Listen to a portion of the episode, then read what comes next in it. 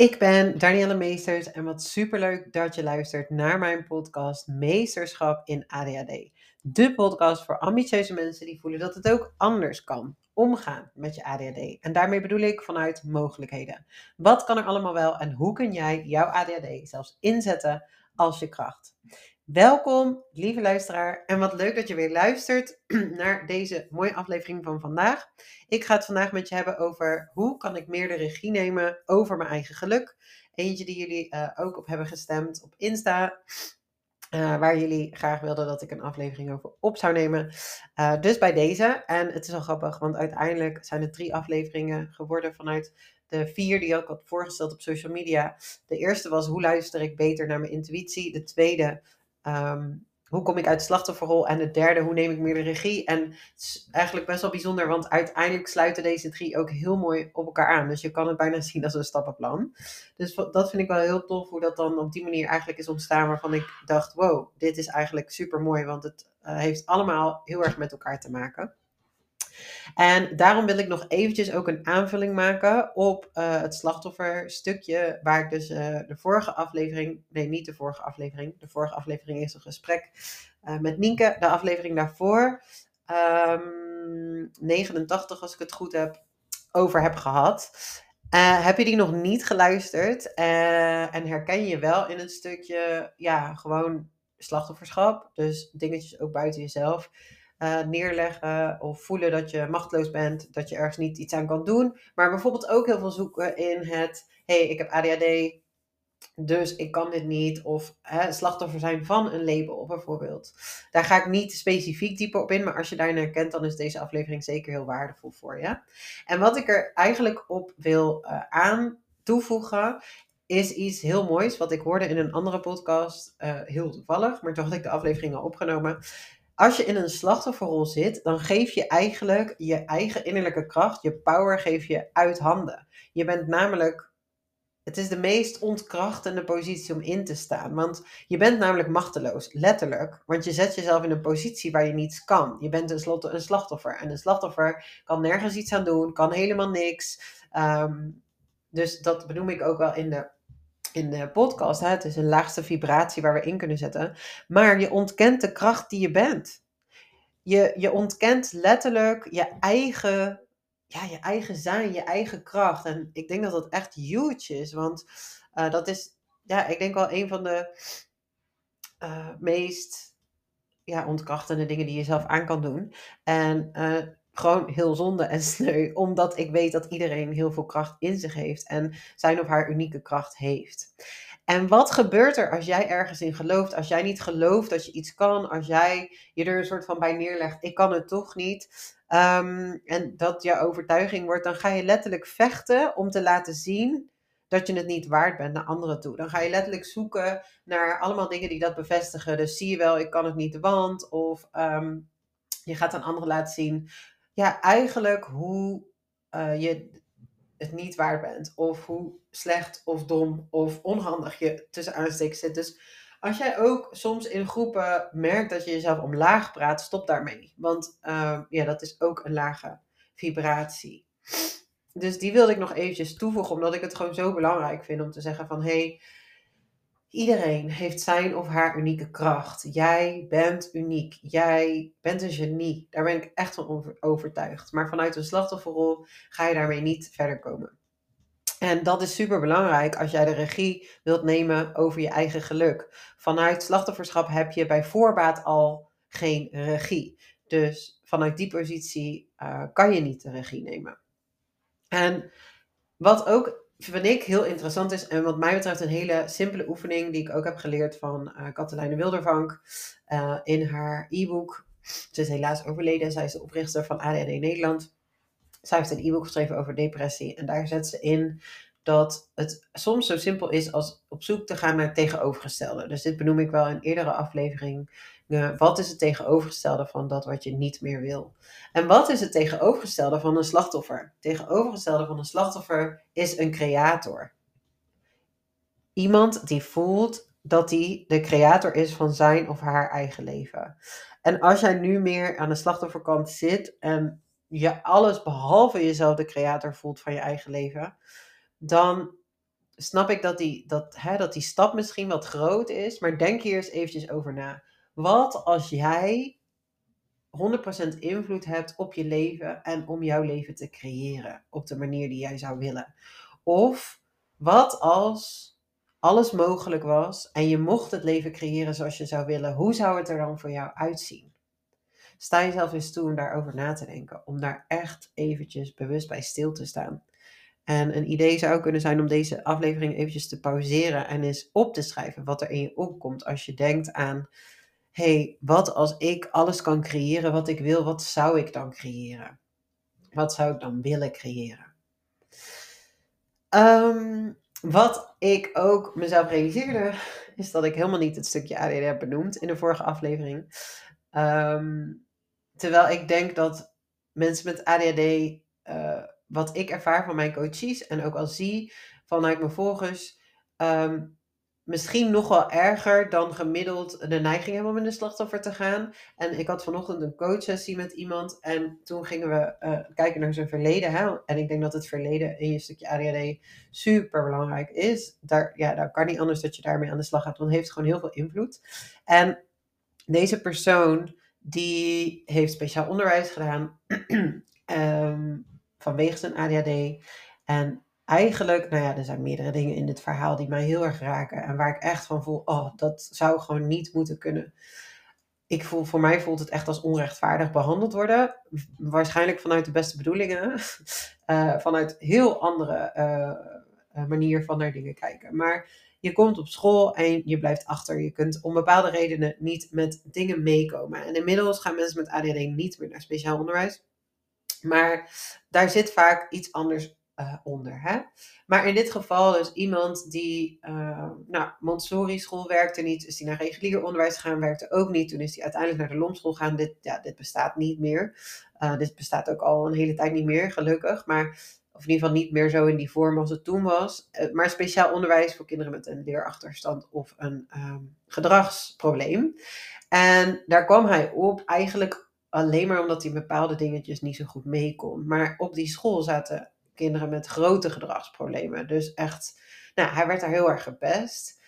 Eén, ehm, deze, deze persoon die voelde als kind heel erg dat hij ergens niet mocht zijn en niet bij mocht horen. Dit is niet de eerste uh, cliënt die ik heb die dit heeft meegemaakt en dat dit gewoon heel tekenend is geweest. Ehm, omdat ja, hij mocht niet bij de gewone kinderen naar school. Hij moest naar een speciale school. Dus dan krijg je eigenlijk al van heel jongs af aan de boodschap: je bent niet goed genoeg. Ehm, je moet harder je best doen. Of gewoon vooral, je bent niet goed genoeg. Je kan niet mee, het is nooit goed genoeg. Het moet altijd anders. En zijn hele schoolcarrière is dit best wel zo geweest. Uiteindelijk van MAVO naar HAVO gegaan en ging dat best wel heel erg goed, behalve wiskunde. En alles was bijna op VWO-niveau, behalve wiskunde, want hij heeft dus dyscalculie. Maar hoe heftig is het eigenlijk dat je dan op één vak wordt afgewezen, terwijl je op de andere vakken VWO uh, scoort? Ja, ik kan daar met mijn pet niet bij. Ik vind dat echt heel triest en verdrietig. En, um, maar goed, even terug naar de context van de podcast. Waarom ik dit benoem is omdat ik in die situatie zo iemand wel degelijk een slachtoffer is. En namelijk een slachtoffer van het systeem.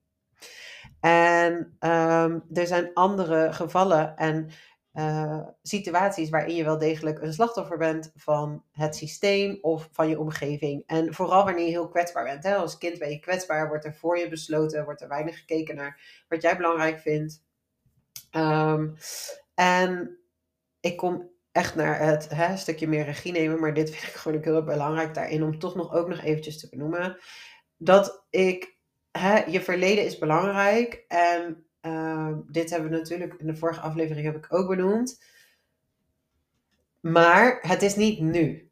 Dus wat er gebeurt in het nu is dat, dat die kleine versie van jou wordt getriggerd en je voelt je eigenlijk weer helemaal op die positie als slachtoffer, maar jij bent nu geen slachtoffer meer. Dus het is heel belangrijk om het inzicht te krijgen van hé, hey, ik ben nu geen slachtoffer meer. Ik kan nu wel mijn leven creëren. Ik kan nu wel de regie nemen over mijn leven en die verantwoordelijkheid nemen, want het is niet meer zoals toen. Dus, en dat is een stukje heling. En dat is ook een stukje waar ik je eventueel mee zou kunnen helpen. Wil je daarmee hulp in?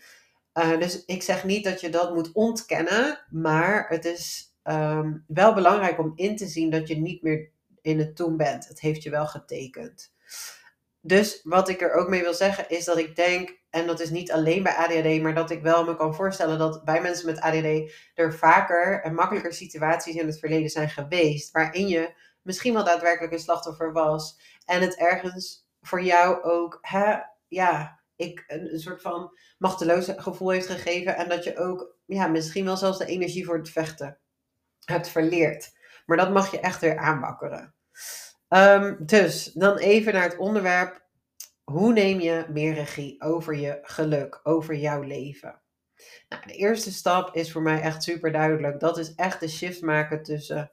Ja, je moet verantwoordelijkheid nemen. De eerste stap is dat jij gaat inzien dat het echt aan jou is om het geluk te gaan voelen en ervaren. Jij hebt altijd een keuze. Ook al voelt het niet zo. Dus het is echt aan jou om je leven te creëren en te denken in mogelijkheden. Een coachie die het gevoel heeft: ik wil deze baan niet meer, ik wil ermee stoppen, maar zichzelf niet toestaat om daarover na te denken. Neem verantwoordelijkheid voor jouw gedachten. Ik ga niet zeggen je moet nu stoppen als dat is wat je wil. Wat ik eigenlijk zeg en waar ik je tot uit wil nodigen, als je bepaalde gedachten hebt, neem ze serieus. Luister ernaar. Wil ik stoppen met mijn baan? Ja, oké, dat sta ik toe. Dit heb ik ook al eerder benoemd. dan zet je een soort van luikje open van mogelijkheden om daaraan te denken. Maar geef die power niet uit handen. Geef, ontken jouw eigen kracht niet. Houd jezelf niet klein. Ga niet op de rem staan. Uh, verschuil jezelf niet. Ik denk dat heel veel mensen dat doen. Ze zijn bang om het verkeerd te doen. Ze zijn bang om iets verkeerd te zeggen. Ze zijn bang voor om mensen te verliezen. Ze zijn bang om te voelen van wat komt er dan als ik echt bij mezelf kom, bij mijn gevoel. Neem de verantwoordelijkheid.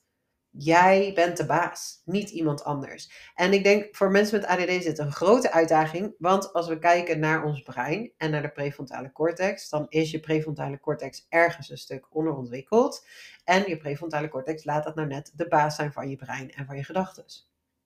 Dus als jij moeite hebt met verantwoordelijkheid nemen en voelt, ja, is leuk dat je dat nu zegt, maar je voelt toch ergens wat machteloosheid of moeite met welke stap ik dan moet nemen, weet dat dit dus iets is wat je mag gaan ontwikkelen. En hoe je dat ontwikkelt is door je te gaan focussen op wat wil ik wel. En te gaan kijken hoe je dat kunt gaan creëren. Out of the box denken. Met je rechterbreinhelft gaan denken. Dus uh, creatief in, in symbolen. In, um, uh, in metaforen. Sta jezelf toe om in mogelijkheden te denken. Um, dus kies. Je hebt gewoon altijd de keuze. Um, en de tweede die ik je mee wil geven is kies voor vertrouwen en liefde in plaats van angst. Angst is altijd aanwezig, gaat ook altijd aanwezig zijn. Het stemmetje van straks lukt het niet, straks ben je niet goed genoeg, straks worden afgewezen, dat stemmetje gaat er altijd zijn. Dat stemmetje is een trigger van oude pijn. Oude pijn vanuit het stukje wat misschien vroeger is afgewezen. Jij mag tegen die oude pijn zeggen, tegen die kleine jij, tegen die kleine versie van jou mag je tegen zeggen: Het is oké, je bent veilig. Het is niet toen, het is nu. En I've got you, we've got this, we zijn sterk samen. Ehm, je kan gedachten hebben van: stel dat het niet lukt, stel dat het uh, allemaal erger maakt, stel dat mensen me afwijzen, stel dat ik iemand kwijtraak. Maar je kan ook gedachten hebben is als, stel dat ik dat doe, stel dat het het beste is wat me ooit is overkomen. Stel dat ik juist de juiste mensen aantrek en dat ik veel gelukkiger ervan word. Stel dat ik een betere relatie creëer met mezelf, met mijn relatie, met de mensen om me heen. Stel dat het leven juist nog mooier gaat zijn. Kies voor die gedachten. Het is veel dienender om te kiezen voor die gedachten. En dan kom ik weer bij de bewuste en onbewuste gedachten met je bewuste brein kan je kiezen om je onbewuste gedachten te gaan veranderen door ze dus meer te gaan herhalen, zodat ze meer gewoon worden. Als jij je bewust bent van negatieve gedachten en angstgedachten, is het een supergoed idee om die op te schrijven. Om echt te zien, hé, hey, wat staat hier nou eigenlijk? En vervolgens te kunnen zien van een afstand, dit is niet zo, dit is niet waar. Ehm, want er is iets in jou wat getriggerd wordt. Dus neem dat serieus. Dan een hele belangrijke. Hoe neem je meer de regie over je leven? Door te stoppen met het buiten jezelf te zoeken. En ik heb vanochtend ook een sessie gehad met iemand anders. Die al heel veel cursussen heeft betaald. Die met heel veel coaches aan de slag is gegaan. Ehm, die blijft zitten in de twijfel in haar hoofd. En die blijft zitten in hoe moet ik dit doen? Waar moet ik beginnen? Ja, maar wat moet ik dan concreet doen? En waar we patronen hebben ontdekt waar ze, waar ze weet wat ze moet doen. Want het antwoord heeft ze al, maar ze doet het niet. Want ze vindt het eigenlijk veel te spannend om naar binnen te keren. En dus blijft ze het buiten zichzelf zoeken tot het punt nu zelfs dat iemand tegen haar heeft gezegd misschien antidepressiva en dat ze overweegt om antidepressiva te gaan slikken. No judgment hier, maar het is wel weer een andere tool die je zoekt buiten jezelf. En wat daar dus onder zit, is iemand die heel streng is voor zichzelf, die vindt dat ze het zelf moet kunnen, die vindt dat ze alles zelf moet doen, dus ook zelf een oordeel heeft op de antidepressiva. Maar het is de manier waarop je er naar kijkt. Je mag compassievol naar jezelf zijn. Je hoeft niet boos op jezelf te worden. Dus iemand die nu zichzelf ziek heeft gemeld omdat het niet goed gaat, op de bank zit en vervolgens Netflix zit te kijken en een oordeel heeft dat ze dat doet, want ze zou toch iets anders moeten doen en dat doet ze nu toch niet, zeg ik oké, maar dit is het moment dat je als een ouder naar jezelf als kind praat en tegen jezelf zegt: hey, kom op, ga lekker even wandelen. Ga daarna wel weer even televisie kijken als dat is wat je wil, maar ga gewoon even een uur naar buiten. Ga gewoon even sporten. Doe in ieder geval één ding vandaag waardoor je je beter gaat voelen. Dit is vanuit compassie, niet vanuit, oh, lig je nu weer lekker lui op de bank, ben je nu weer aan het niksen? Dat helpt niet. Dan maak je het eigenlijk alleen maar erger. Dus praat liefdevol tegen jezelf. Dan komen we eigenlijk ook weer terug op het punt hiervoor, hè, vanuit liefde. Maar, en zoek het niet buiten jezelf. Het is aan jou om die switch te maken om anders tegen jezelf te gaan praten. Het is aan jou om de switch te maken om het anders te gaan doen. Het is aan jou om de switch te maken om routine te hebben in de ochtend. Echt, als jij nu voelt dat je helemaal vastloopt, dat je niet weet wat de volgende stap is, dan is wat mij betreft het eerste wat je te doen staat één of twee dingen in de ochtend om je dag anders te beginnen. Mediteer, dans, beweeg. Wat ik tegen deze persoon heb gezegd, ga bewegen alsjeblieft. Het maakt me niet uit wat je doet. Ga wandelen, ga dansen, ga sporten, ga opruimen. Kom in beweging. Uh, maar het is aan jou om dit te gaan doen. En het is aan jou om te voelen. Ik heb het vaker gezegd, depression is het depressen van emoties. Het depressen van dingen die je niet meer wil. Het wegduwen, het wegdrukken. En dan zoeken we buiten onszelf naar, naar de oplossing. Terwijl eigenlijk de oplossing is om wel te gaan luisteren naar wat er je lichaam je wil vertellen. Wel te gaan voelen wat de emoties in je nodig hebben. En daar kan zijn dat je dat spannend vindt, dat je bang bent voor wat er dan naar boven kan komen. Ik garandeer je dat je echt alleen maar naar boven komt wat jij op dat moment kunt dragen. Zet een playlist op die emotie naar boven roept, zodat het lekker kan opluchten. Of zet een playlist op dat je moet gaan dansen. De frustratie, geel, maak geluid. Doe iets, maar kom in beweging. Ehm, en dus neem de regie. Dus hoe neem je meer regie over je geluk? Door uit je hoofd te komen en in je lichaam. Dus als jij voelt dat je blijft twijfelen, in gedachten blijft, uit je hoofd, dat is een valkuil. Dat is je schaduwkant. Dat heb je tot nu toe heel hard geprobeerd. Je hebt heel hard proberen na te denken. Je hebt heel hard het antwoord proberen te vinden. Nu is het tijd om de regie te nemen en om gewoon te gaan. Ik heb vandaag een belangrijk besluit genomen. Uh, ik voelde al lang dat het een nee was, maar ik vond het super moeilijk om antwoord op te geven. En ik heb het meerdere keren gevraagd. Ben naar binnen gegaan, zeg maar, met mijn aandacht. Ik heb gevraagd, wat moet ik doen? Is het een ja of een nee? En ik voelde elke keer nee, nee, nee, nee, nee, nee.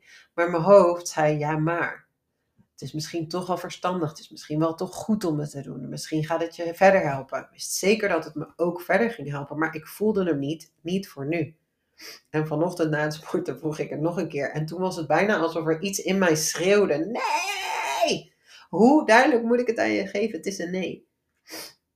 Het is echt zeg maar jou, aan jou om de regie te nemen en te luisteren naar dat. Want vaak weten we het wel, maar vinden we het gewoon heel moeilijk om die keuze te nemen.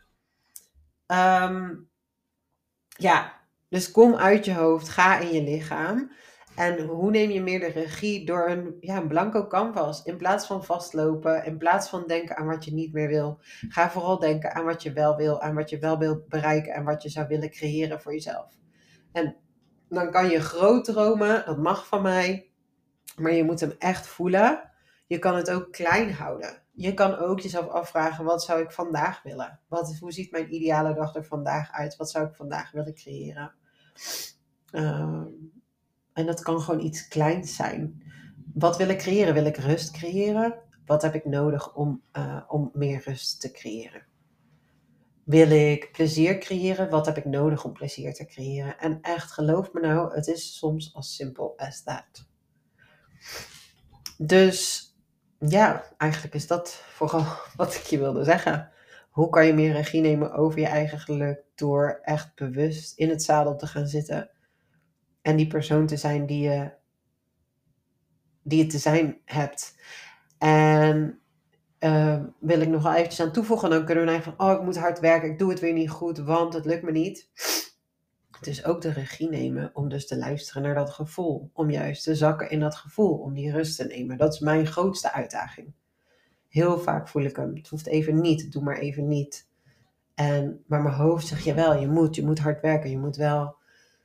En ik heb je hierin ook al meegenomen in mijn afgelopen podcast van de afgelopen maanden en de transformatie die ik voor mezelf intern, intern heb meegemaakt. En ik wil nog binnenkort met je delen iets heel groots wat op dit moment gaande is. Maar wat dat heeft de afgelopen maanden, wat daarin is gebeurd, is gewoon bizar. Ehm, door daar echt de regie over te nemen en het toe te staan. Oké, ik, um, dat was hem. Ik hoop dat je hier iets aan hebt gehad. Wat ik wel nog even super tof vind om te benoemen, is de eerste mensen hebben zich al aangemeld voor de Microdose Journey. De zes weken die 16 februari van start gaat. Ik heb er echt super veel zin in. Het wordt een heel mooi programma waarin we samen gaan microdosen. Ik ga je alles leren over uh, wat je moet weten over microdosen, om te gaan microdosen, om te starten. We gaan samen starten. We gaan samen microdosen. En elke week van de zes weken is er een specifiek thema waarin ik je begeleid op jouw reis naar binnen. Voor meer bewustwording, voor meer inzicht, om dichter bij je gevoel, bij jezelf te zijn en eigenlijk meer aligned te gaan leven uh, vanuit de kern van wie je bent. Om echt in je kracht te komen uit je hoofd, meer in je lichaam, meer vanuit gevoel, minder vanuit angst en twijfel.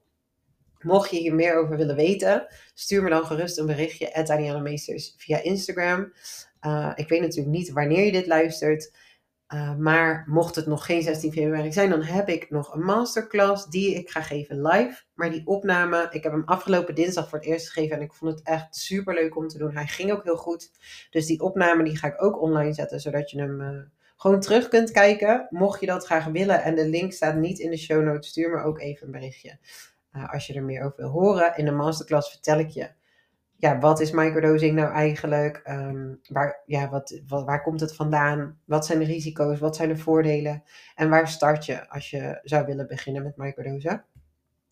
Dus um, dat. Ik, uh, het zou super tof zijn als je hem voelt. Dan ben je echt van harte welkom. Het is een pilotgroep. Um, wat betekent, ik weet eigenlijk niet eens of dat ik dit, ja wel, ik heb dit wel benoemd in de podcast, denk ik. Um, nou ja, zo niet, dan dus de microdosing journey uh, zes weken. Het is een pilotgroep. Dus dat betekent dat je nu mee kunt doen voor een unieke prijs van 197 euro. Tot 6 februari kost het 197 euro. Uh, vanaf 7 februari is het 247 euro mee te doen. Nog steeds een pilotprijs. Volgende ronde zal die uh, minimaal 900, sorry, 497 euro zijn. Dus mocht je hem voelen, dan ben je welkom. En als je deze keer meedoet, dan ben je welkom om elke volgende ronde weer mee te doen. Dus je krijgt eigenlijk ongelimiteerd toegang uh, ja, tot de microdosing journey. Uh, dit is voor iedereen, dus niet per se voor mensen met ADHD. Daar is die niet specifiek op gericht. Maar het is natuurlijk heel hulpzaam bij ADHD. Dat is hoe ik het heb ervaren. En uh, het is vooral ook voor mensen die gewoon, nou ja, wat ik net al benoemde, uit hun hoofd meer in hun hart willen leven. Ik ben heel blij dat je weer hebt geluisterd. Ik hoop dat je de aflevering inspirerend vond. En mocht dat zo zijn, dan zou je mij heel erg helpen door, nou ja, me in ieder geval uh, te reten op Spotify of op Apple Podcasts. Maar het zou ook super tof zijn als je de aflevering wellicht zou willen delen op je social media. Um, deel met mij over je ervaring, wat je ervan vond, zodat ik ook uh, die reviews weer kan delen. Maar ook omdat ik gewoon heel erg leuk vind om te horen. Dus heb je iets aan mijn podcast? Geeft het je waardevolle inzichten, waardevolle informatie? Uh, deel het met me. Uh, maak contact met me. Ik leer je heel graag kennen en ik hoor heel graag van je. En voor nu wens ik je een hele fijne ochtend, middag, avond en tot de volgende.